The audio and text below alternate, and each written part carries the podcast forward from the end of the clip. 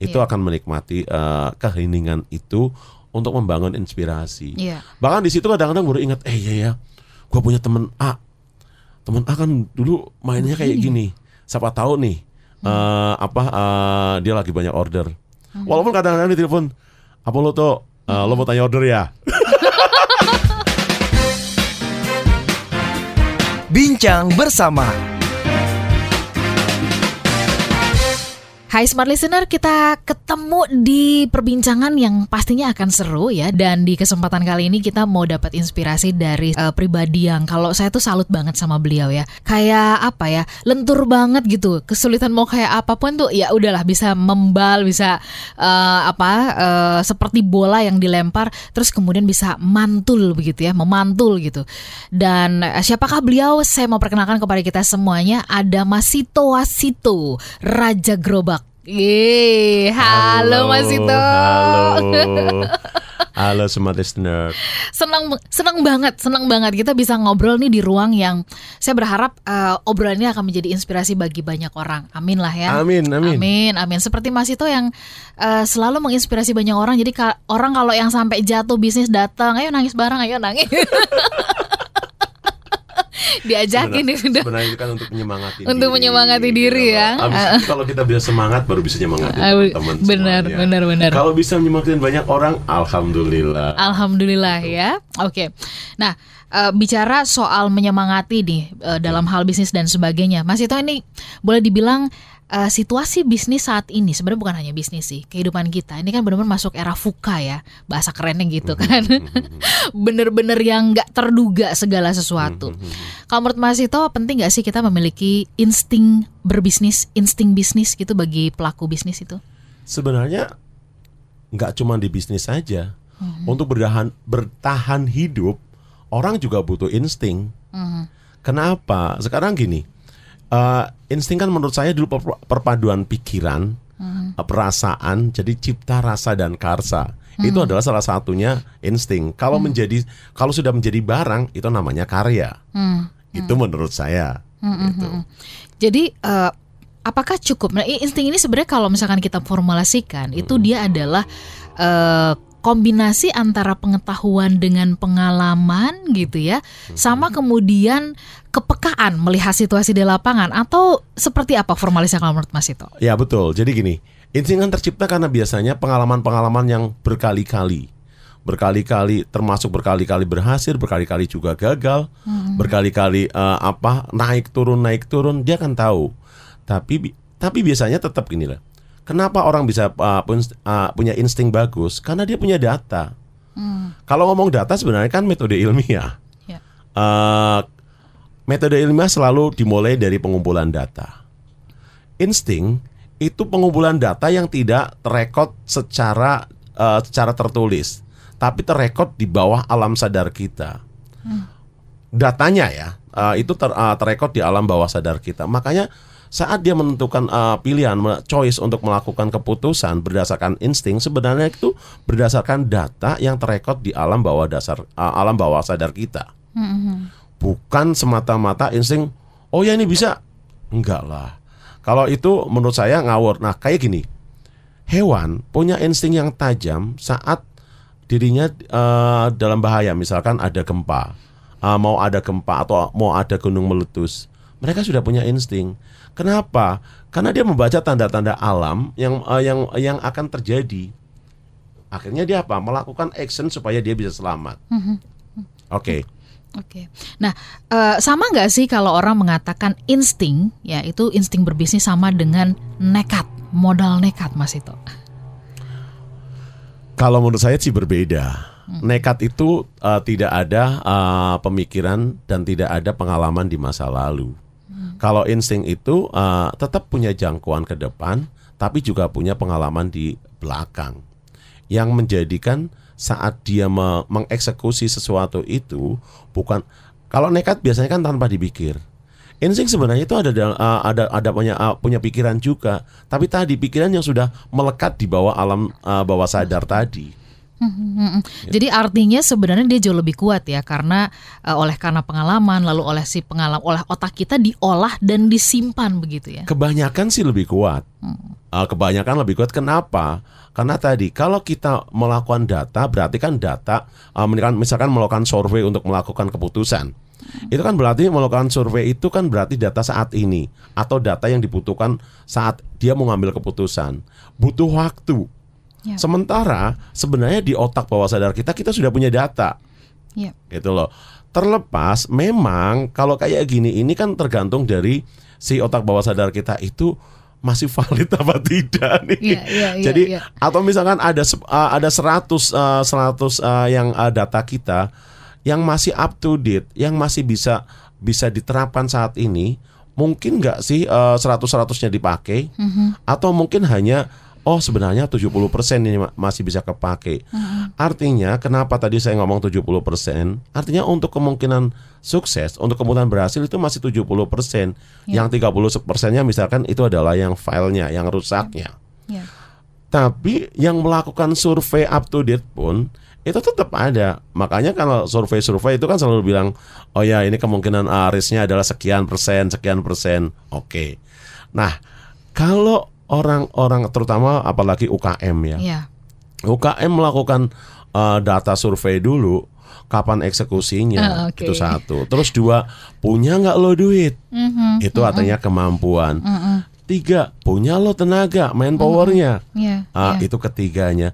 Lah kalau kalau kita tidak punya itu, ya sudah insting kita dulu yang kita kedepanin. Ya. Tapi banyak pengusaha besar pun melakukan hal yang sama. Ya. Ya. Nah, si survei itu adalah pelengkap keyakinannya dia untuk melakukan eksekusi. Hmm. Kayak gitu. Jadi kalau boleh dibilang sebenarnya insting ini ini adalah uh, basis data Mhm. ya secara natural yang memang sudah dititipkan sama Tuhan ya. Amin. Kira-kira seperti itu. Seperti itu ya. Iya. Oke. Nah, uh, ada yang mengatakan gini juga nih Mas Ito, uh, apa tanggapannya? Beda nggak sih insting perempuan dalam berbisnis dan insting laki-laki dalam berbisnis? Konon kabarnya insting uh, perempuan dalam berbisnis itu lebih kuat katanya daripada laki-laki. Setuju atau tidak setuju? Alasannya apa? Sebenarnya bisa benar bisa tidak. Oke. Eh, apa tapi eh, basically eh, perempuan memang punya eh, perasaan yang lebih peka. Hmm. Karena perasaan yang lebih peka itu kadang-kadang instingnya eh, instingnya lebih bagus. Tapi Hmm. ingat, emosional seseorang itu kan banyak dipengaruhi oleh banyak faktor. Hmm. Latar belakangnya dia itu seperti apa, kondisi Iya. dia saat itu lagi seperti apa, Iya. itu akan mempengaruhi benar atau tidak benarnya. Makanya saya bilang bisa benar, bisa tidak. Hmm. Walaupun oke, mungkin banyak benarnya. Hmm. Kalau kalau Oke. perempuan menggunakan insting itu. Oke. Tapi tadi makanya perlu gini. Uh, orang insting itu perlu didampingi orang-orang orang yang punya database kuat. Mm-mm. Uh, supaya instingnya dia itu tidak kebablasan. Uh, artinya apa? Oh ya Pak, gini gini gini. Dia sudah ambil keputusan begini. Terus si apa uh, biasanya uh, second man-nya lah, orang keduanya itu sudah nyiapin. Wah, ini si bos minta begini begini begini begini. Uh, dia harus cepat cari datanya. Oh ya. Oh tapi benar nih, ini benar nih, ini benar nih. Oh ini enggak. Nah saat ini enggak, dia harus kasih masukan. Pak ini kayak gini, kayak gini, kayak gini. Bisa jadi itu pun dibantah sama orang insting. Akan dibantah. Enggak nggak apa-apa, ini begini nanti kita akan begini. Kalau saya bilang saat kita mengambil keputusan salah pun Iya. Kita harus nikmati kesalahan itu Mm-mm. untuk sebagai bagian masukan supaya kita lebih pintar lagi Oke. gitu.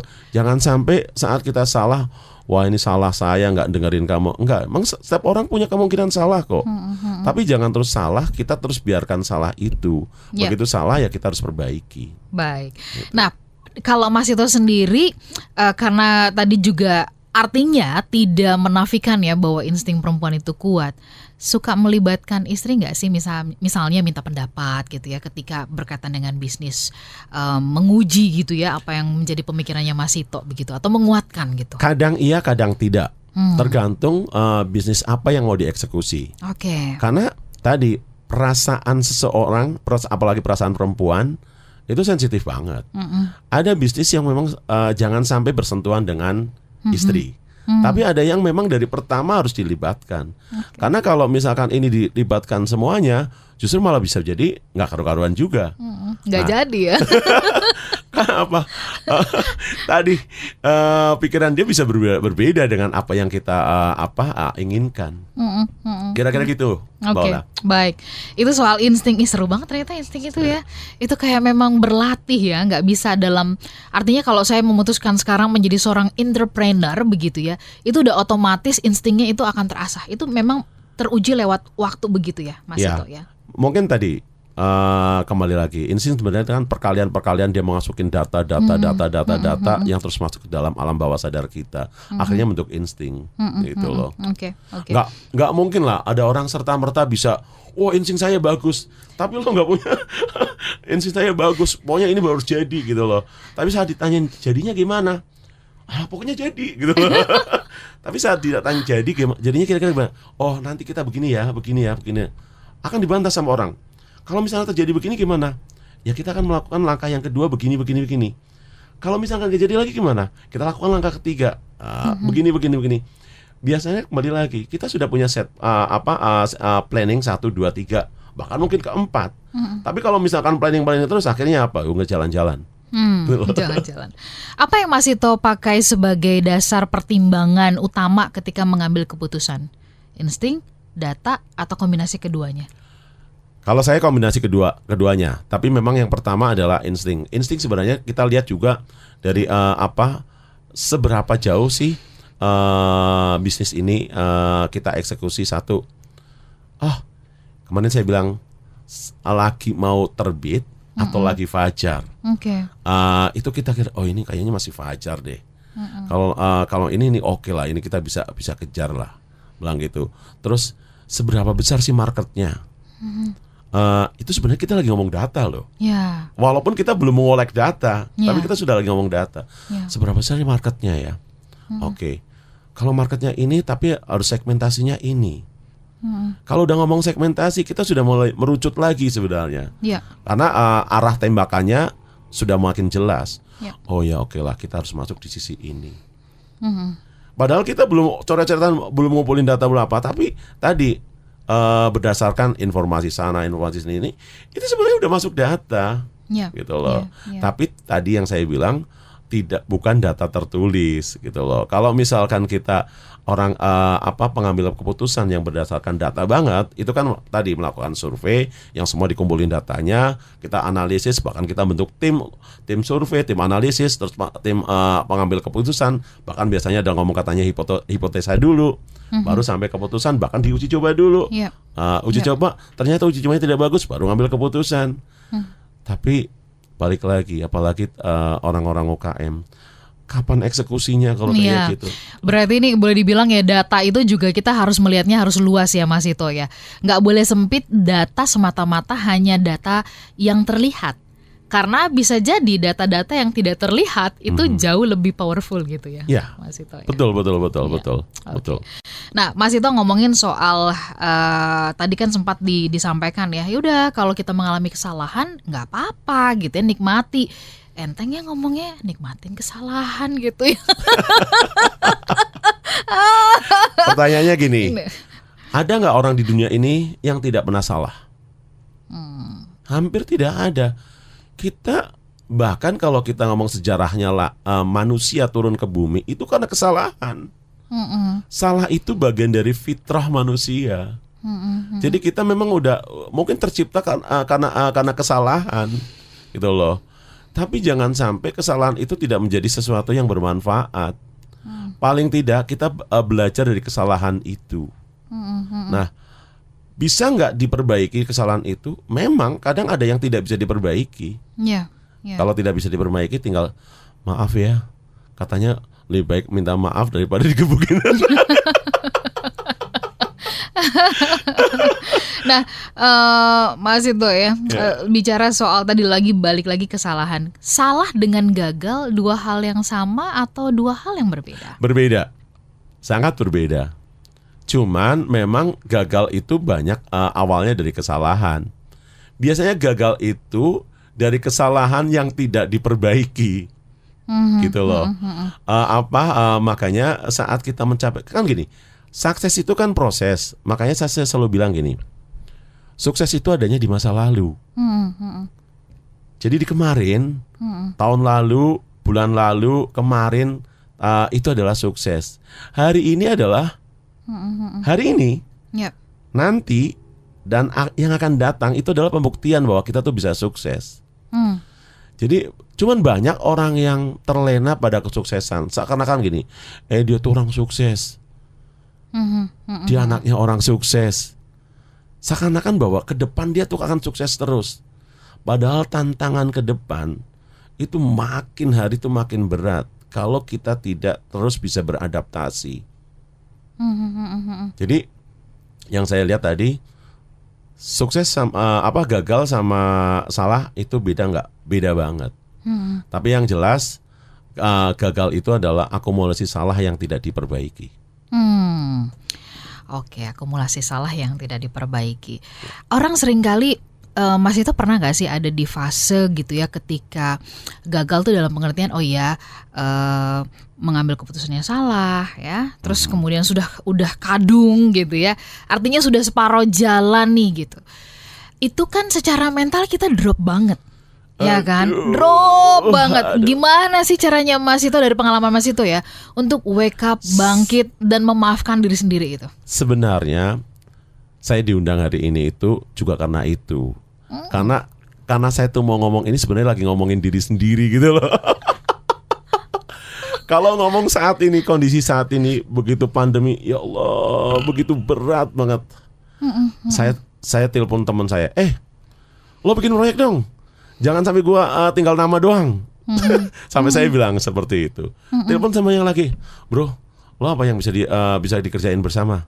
Ayo kita kolaborasi. Ke sana lagi, apa lagi? Karena apa? Emang saya sedang ada ngadapin yang permasalahan seperti itu. Kenapa saat ini kita tuh seakan-akan ya, seakan-akan bahkan eh, negara aja disebut mengarah ke eh, res- resesi. Beberapa negara sudah resesi, Sri Lanka sudah resesi, dan ada 25 negara akan resesi. Artinya kalau negaranya itu resesi berarti kan ada bagian-bagian negara yaitu rakyatnya, penduduknya, usahanya itu juga mengalami itu dulu kan, mengalami kegagalan dulu. Nah, aku bilang, wah ini saya juga seakan-akan kita saat ini tuh lagi mengarah pada kegagalan. Tapi ingat, gagal dan sukses pun sebenarnya tadi terjadinya di masa lalu. Iya. Yang Iya. akan datang hari ini dan yang akan datang adalah pembuktikan kalau kita tidak gagal dan tidak sukses. Oke, gak gagal atau sukses. Tapi ah, saya yakin gini, saat kita bicara seperti ini, saya menguatkan diri sendiri dan mudah menjadi inspirasi supaya kita tidak gagal. Mhm. Mhm. Saat ini gagal itu juga bukan karena kesalahan kita tok. Ya, banyak faktor gitu banyak ya. faktor yang menimbulkan kita tuh salah. Tadi saat ngambil keputusan kita mengambil keputusan salah itu juga bukan serta merta dari apa yang kita bisa, apa yang kita punya, apa yang kita ada di otak kita. Tapi kadang-kadang keadaan membuat kita menjadi salah. Mhm. Mhm. Nah, mungkin saat ini banyak teman-teman yang mengalami hal seperti itu. Mhm.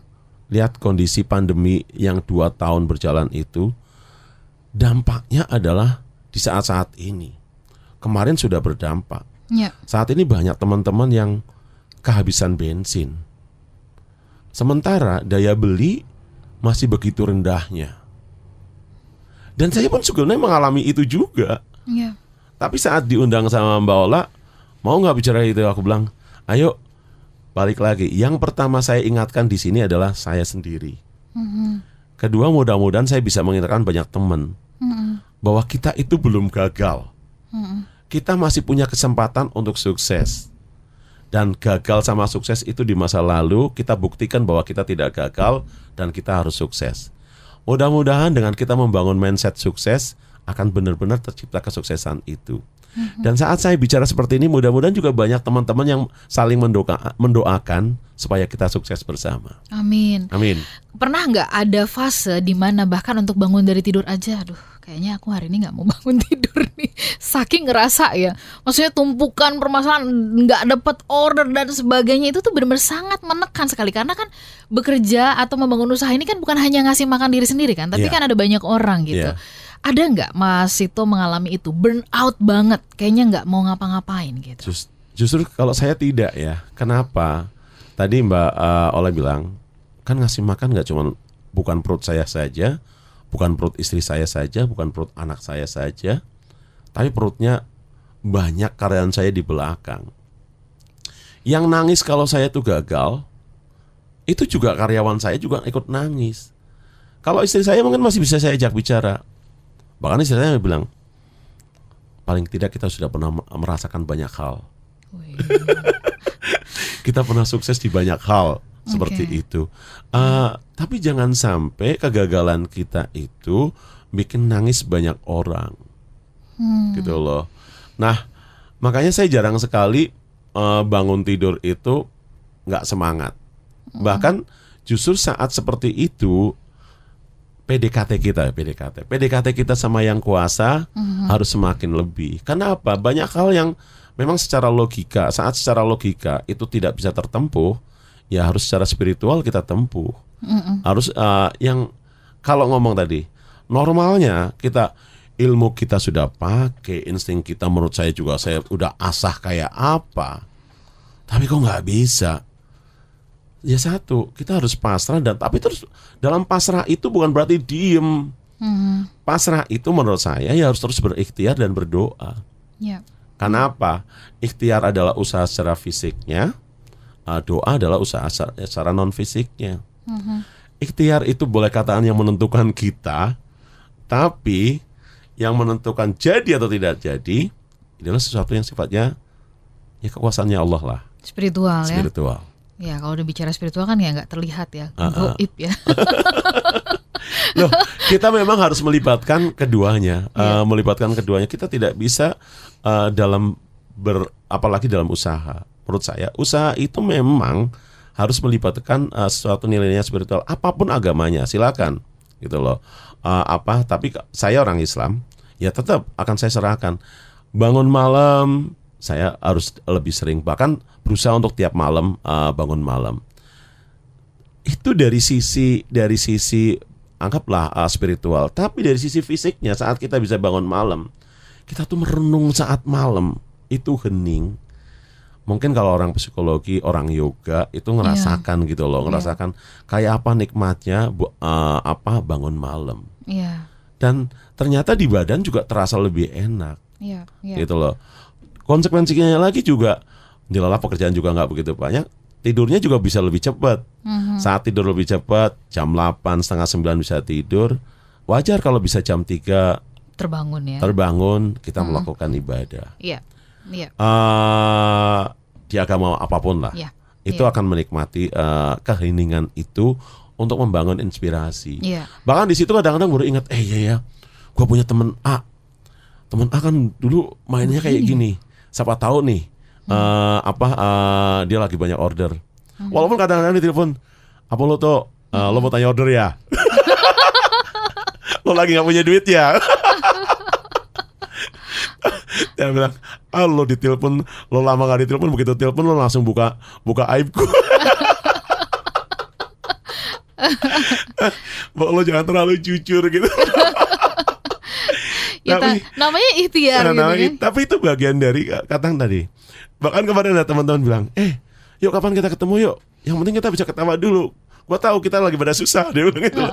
Saat ketemu saya bilang, "Eh, makanya di agama saya ngajarin silaturahmi itu adalah pintu rezeki. Betul. Tidak serta merta saya ketemu Mbak Ola pulang saya dikasih duit, enggak. Tapi saat saya ketemu Mbak Ola, saat obrolan seperti ini, oh ya, gue ada punya inspirasi nih. Besok kayak gini, kayak gini, kayak gini, kayak gini. Itu loh. Itu yang apa? eh, menurut saya rezekinya itu adalah seperti itu. Saat ke- kita ketemu banyak teman, mungkin cuma di saat itu cuma ketawa-tawa saja ngobrol hihi gitu loh. Tapi saat pulang, eh si itu ya kayak gitu padahal kondisinya lagi begitu, tapi bisa kayak gitu. Kayaknya karena dia punya sesuatu deh. Ya. Nah, itu mungkin kenapa teman-teman saya tuh banyak sekali pengen eh, saat saat ini banyak pengen ketemu, Hmm, eh, pengen oke. ngobrol sama saya itu. Ya mungkin karena apa? Iya. Saya mungkin dikira eh, Mr. No Problemo gitu loh. Walaupun segudang tuh menumpuk ya gitu. Bukan numpuk Lagi. lagi, bahkan mau buang di gudang, gudangnya udah udah penuh gitu.